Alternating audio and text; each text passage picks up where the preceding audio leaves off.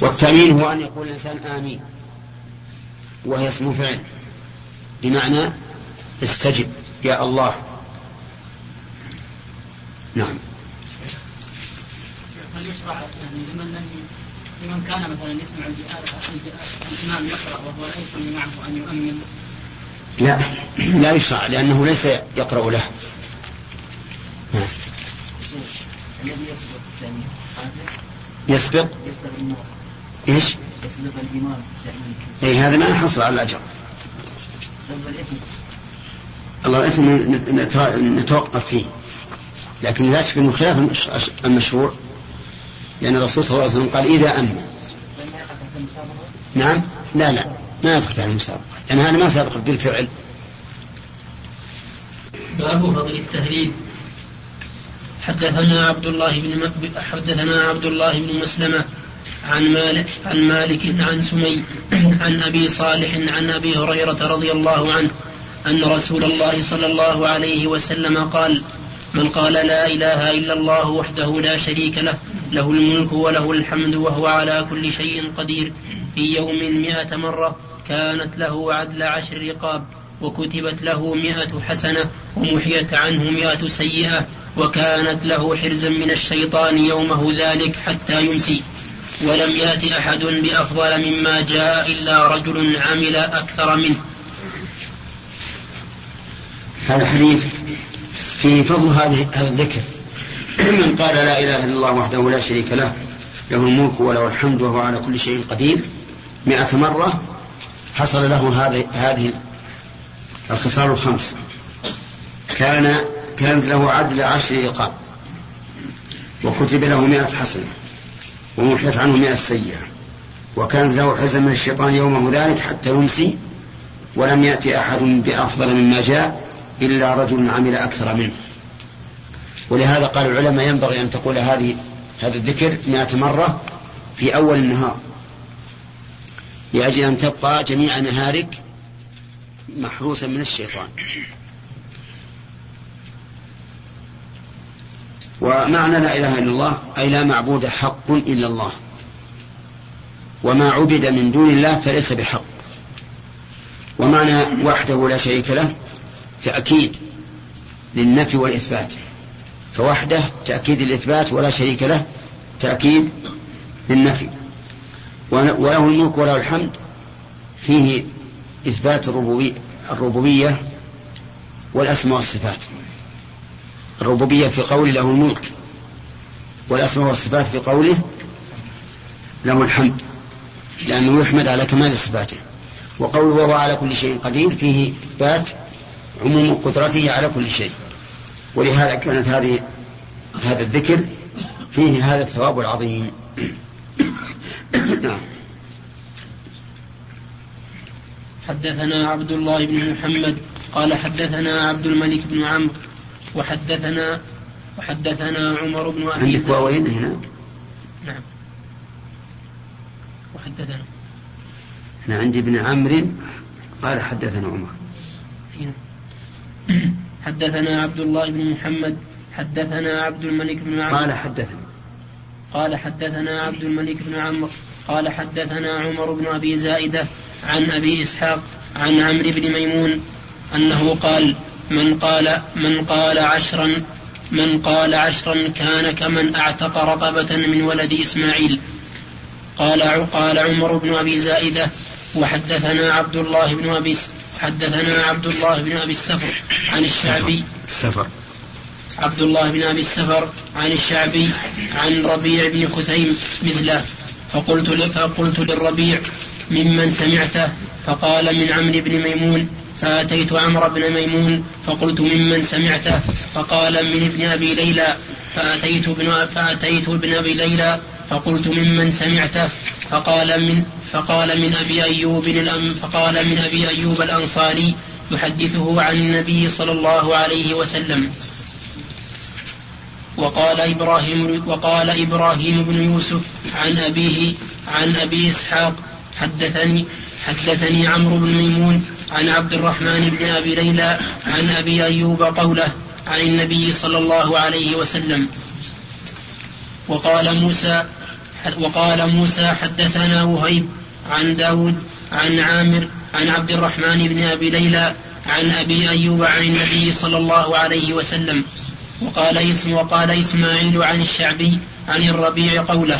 وقال آدم حدثنا شعبة قال حدثنا عبد الملك بن أبي قال حدثنا عبد الملك بن ميسرة سمعت هلال بن يساف عن الربيع بن خثيم وعمر بن ميمون عن ابن مسعود قوله وقال الأعمش وحسين عن هلال عن الربيع عن عبد الله قوله ورواه أبو محمد الحضرمي عن أبي أيوب عن النبي صلى الله عليه وسلم كان كمن أعتق رقبة من ولد إسماعيل.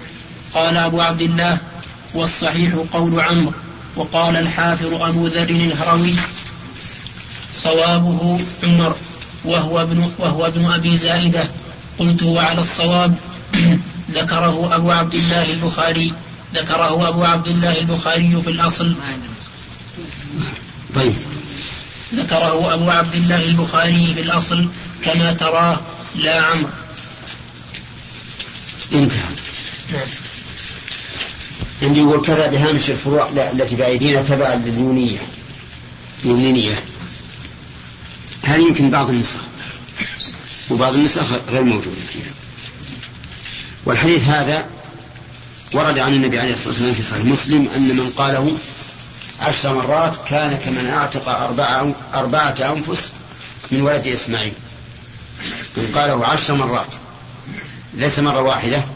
كان كمن أعتق أربعة أنفس من ولد إسماعيل. نعم.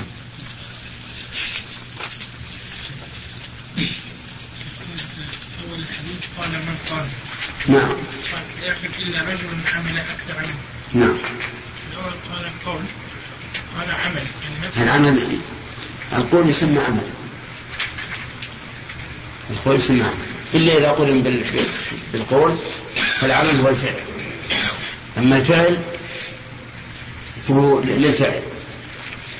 ولهذا يقال من عمل صالحا يشمل القول فالعمل يتناول القول والعمل. إلا إذا قيل قال وعمل صار القول لما نطق به لما نطق به اللسان والعمل لما قامت به الجوارح. أما إذا بالتسبيح حدثنا عبد الله بن مسلمة عن مالك عن سمي عن أبي صالح عن أبي عن أبي هريرة أن رسول الله صلى الله عليه وسلم قال من قال سبحان الله وبحمده في يوم مئة مرة حطت خطاياه وإن كانت مثل زبد البحر. الله الحمد لله. وهذا أيضا يشمل من قالها في أول النهار وآخره لكن قال العلماء ينبغي أن نقولها في آخره في آخر النهار من أجل أن تكون خطاياه في النهار محطوطة بهذا الذكر. فصار مئة مرة لا إله إلا الله وحده لا شريك له تقال في أول النهار. وسبحان الله وبحمده مئة مرة تقال في آخر النهار. نعم. حدثنا زهير بن حرب قال حدثنا ابن فضيل عن عمارة عن أبي زرعة عن أبي هريرة عن النبي صلى الله عليه وسلم أنه قال كلمتان خفيفتان على اللسان ثقيلتان في الميزان حبيبتان إلى الرحمن. سبحان الله العظيم. سبحان الله وبحمده. الله أكبر. ذكر النبي عليه الصلاة والسلام في هذه الآية. جملة. في هاتين الكلمتين أنهما خفيفتان على اللسان. لا ليس فيهما تعب ثقيلتان في الميزان. هذا من باب المقابلة. من باب المقابلة. حبيبتان إلى الرحمن. يعني إلى الله عز وجل. ففيهما هذه الفوائد الثلاث سبحان الله العظيم سبحان الله وبحمده. وفي لفظ بتقديم سبحان الله وبحمده على سبحان الله العظيم. والمعنى لا يختلف. إذا ينبغي لنا أن نكثر من هاتين الكلمتين لما فيهما من الفوائد الثقل في الميزان والمحبة إلى الرحمن عز وجل مع أنهما ليس فيهما مشقة. خفيفتان على اللسان. تستطيع وأن تمشي مثلا من المسجد إلى بيتك أن تقولها كثيرا. نعم. نعم. إن كان الإنسان يجمع بين سبحان الله وبحمده سبحان الله العظيم يعني التي في يمكن. يعني يعني إذا قال سبحان الله وبحمده سبحان الله العظيم 100 مرة حصل له الثواب الأول.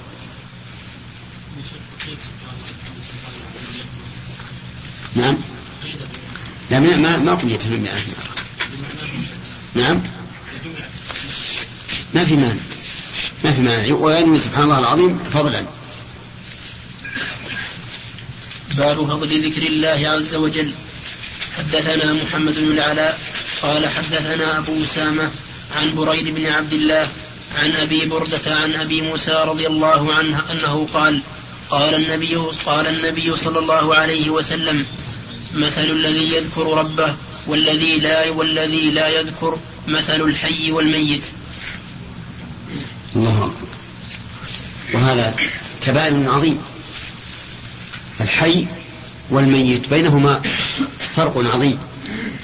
فهذا المثل الذي يذكر الله والذي لا يذكره الذي لا يذكره مثله مثل الميت.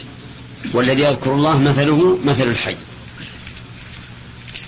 ووجه المشابهة أن من يذكر الله عز وجل يحيا قلبه بالذكر فإن الذكر بمنزلة الروح والذي لا يذكره يكون قلبه خاليا من الله عز وجل فيكون كالجسد الخالي من الروح. نعم. حدثنا قتيبة بن سعيد قال حدثنا جرير عن الأعمش عن أبي صالح عن أبي هريرة أنه قال قال رسول قال صلى الله قال رسول الله صلى الله عليه وسلم إن لله ملائكة يطوفون في الطرق يلتمسون أهل الذكر فإذا وجدوا قوما يذكرون الله تنادوا هلموا إلى حاجتكم قال فيحفونهم بأجنحتهم إلى السماء الدنيا قال فيسألهم ربهم عز وجل وهو أعلم منهم ما يقول عبادي. قالوا يقولون يسبحونك ويكبرونك ويحمدونك ويمجدونك. قال فيقول هل رأوني؟ قال فيقولون لا والله ما رأوك. قال فيقول كيف لو رأوني؟ قال يقولون لو رأوا قال قال يقولون لو رأوك كانوا أشد لك عبادة وأشد لك تمجيدا وأكثر لك تسبيحا. قال يقول فما يسألوني؟ قال يسألونك الجنة. قال يقول وهل رأوها؟ قال يقولون لا والله يا رب ما رأوها. قال يقول فكيف لو أنهم رأوها؟ قال يقولون لو أنهم رأوها كانوا أشد عليها حرصا وأشد لها طلبا وأعظم فيها رغبة. قال فمما يتعوذون؟ قال ما فيها ألف قال فمما يتعوذون؟ قال يقولون من النار. قال يقول وهل رأوها؟ قال يقولون لا والله ما رأوها. قال يقول فكيف لو رأوها؟ قال يقولون لو رأوها كانوا أشد منها فرارا وأشد لها مخافة. قال فيقول فأشهدكم أني قد غفرت لهم. قال يقول قال يقول ملك من الملائكة فيهم فلان ليس منهم إنما جاء لحاجة. قال هم الجلساء لا يشقى بهم جليسهم. رواه شعبة عن الأعمش ولم ولم يرفع ولم يرفعه. ورواه سهيل عن أبيه عن أبي هريرة عن النبي صلى الله عليه وسلم. يعني فرفعه قوله فيحفونهم بأجنحتهم إلى السماء. ماذا قال عليها؟ أصلا عليها عليه؟ نعم.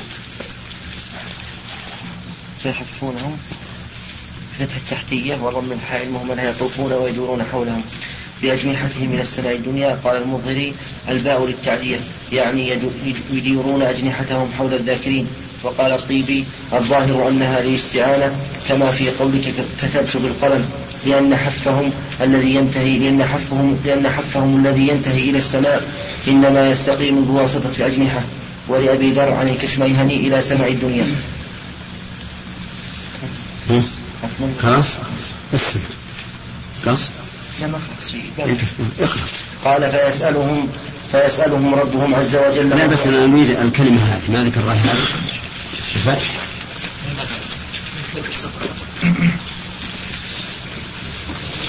قولهم فيحفونهم بأجنحتهم. أي أي يدنون بأجنحتهم. حول أي الكافرين أي يدنون. يدرون؟ يدنون. يدنون نعم. أي يدنون بأجنحتهم حول الذاكرين. والباء للتعدية وقيل للاستعانة. قوله إلى السماء الدنيا في رواية الكشميهني إلى سماء الدنيا وفي رواية سهيل قعدوا معهم وحف بعضهم بعضا بأجنحتهم حتى يملأوا ما بينهم وبين سماء الدنيا. قوله قال فيسألهم ربهم.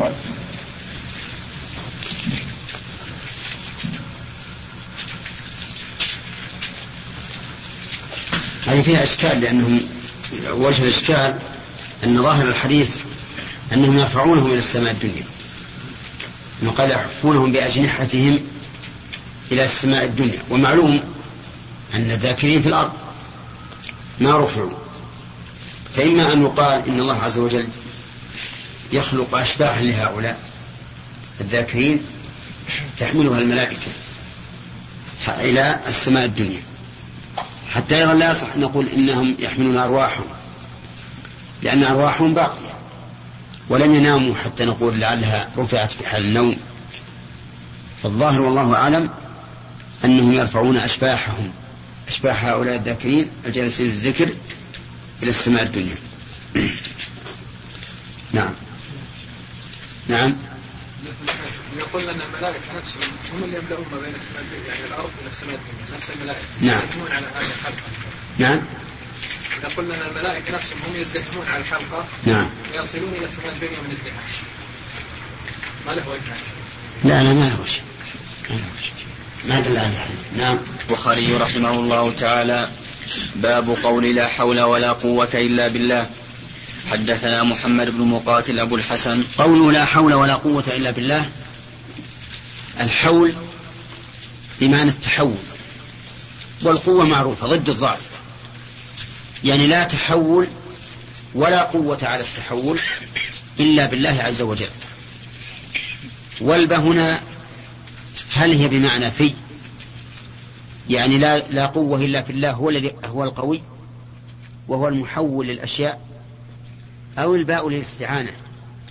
يعني ليس لا أملك أن أتحول إلا بالله عز وجل. نقول أن إن المعنيين صحيحان. فالذي يحول الأمور ويغير الأمور هو الله. والذي يقوى على ذلك هو الله عز وجل. وكذلك أنا لا أستطيع أن أتحول من حال إلى حال ولا أقوى على ذلك إلا بالله. ولهذا هذه الكلمة كلمة استعانة وليست كلمة استرجاع استرجاع فإذا قلت لا حول ولا قوة إلا بالله فهي بمعنى قولك اللهم أعني لأنها تبرؤ من الحول والقوة إلا بالله. وأما استعمال الناس لها في موضع الاسترجاع فهذا لا وجه له. الناس إذا أخبر الواحد بمصيبة قال لا حول ولا قوة إلا بالله. والأولى أن يقول إنا لله وإنا إليه راجعون. نعم.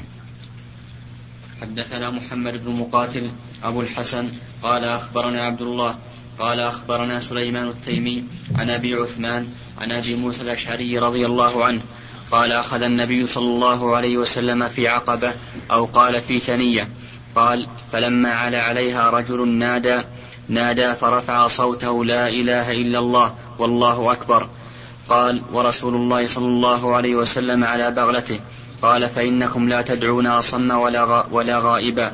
ثم قال يا أبا موسى أو يا عبد الله ألا أدلك على كلمة من كنز الجنة؟ قلت بلى. قال لا حول ولا قوة إلا بالله. الشاهد قوله ألا أدلك على كلمة من كنز الجنة. فهذه الكلمة هي من كنز الجنة وهي أيضا كلمة استعانة استعانوا بها. تقول لا حول ولا قوة إلا بالله. ومعنى كونها من كنز الجنة أنه أنها سبب لأن يثاب عليه الإنسان ثوابا يدخل به الجنة. وأما قوله فإنكم لا تدعون صما ولا غائبا ففيه نفي الصمم والغيبة عن الله. وقد مر علينا قاعدة في باب العقيدة أن الصفات المنفية عن الله لا يراد بها مجرد النفي وإنما يراد بها إثبات كمال ضدها. يعني فهو عز وجل سميع سمعا لا صمم فيه. سميع سمعا لا صمم فيه. فنفي الصمم لكمال السمع. لأننا نحن نسمع لكن سمعنا فيه صمم. ما نسمع كل شيء. وأيضا يعتريه الصمم. يصاب بصمم الإنسان ولا يسمع. أما الله عز وجل فإنه ليس بأصم لكمال سمع ولا غائبا لكمال حضوره. لأنه قال في آخر الحديث إن الذي تدعونه أقرب إلى أحدكم من عنق راحلته. الذي تدعونه أقرب إلى أحدكم من عنق راحلته. لكن هذا القرب لا يعني أن الله تعالى في الأرض لأن هذا مستحيل. فالله سبحانه وتعالى له العلو المطلق الثابت أزلا وأبدا.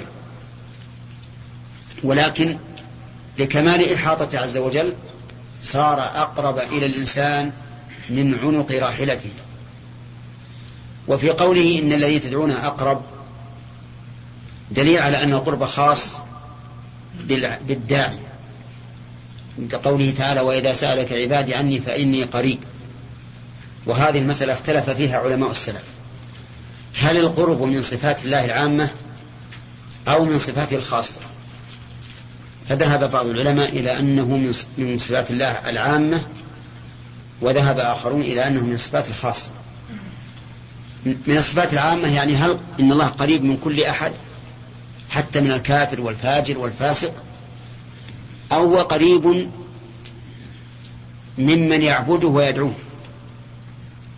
فذهب إلى الأول ابن القيم وذهب إلى الثاني شيخ الإسلام ابن تيمية وقال إن القرب ليس عاما كالمعية المعية عامة وخاصة لكن القرب أخص من المعية. القرب أخص ولم يرد القرب لله على سبيل الإطلاق إنما ورد مقيدا. فقال فقال الله تعالى وإذا سألك عبادي عني فإني قريب يعني في حال دعائهم إياي. أجيب دعوة الداعي إذا دعان. وقال النبي عليه الصلاة والسلام إن الذي تدعونه أقرب إلى أحدكم من راحلته. هذا قرب الدعاء. يعني هذا القرب في حال كون الإنسان في دعاء. أما في حال كونه في عبادة فقال النبي صلى الله عليه وسلم أقرب ما يكون العبد من ربه وهو ساجد. هذا القرب في حال كون الإنسان في عبادة. لكن ما ورد أن الله قريب من كل أحد. لأن القرب كما قلت أخص من المعية.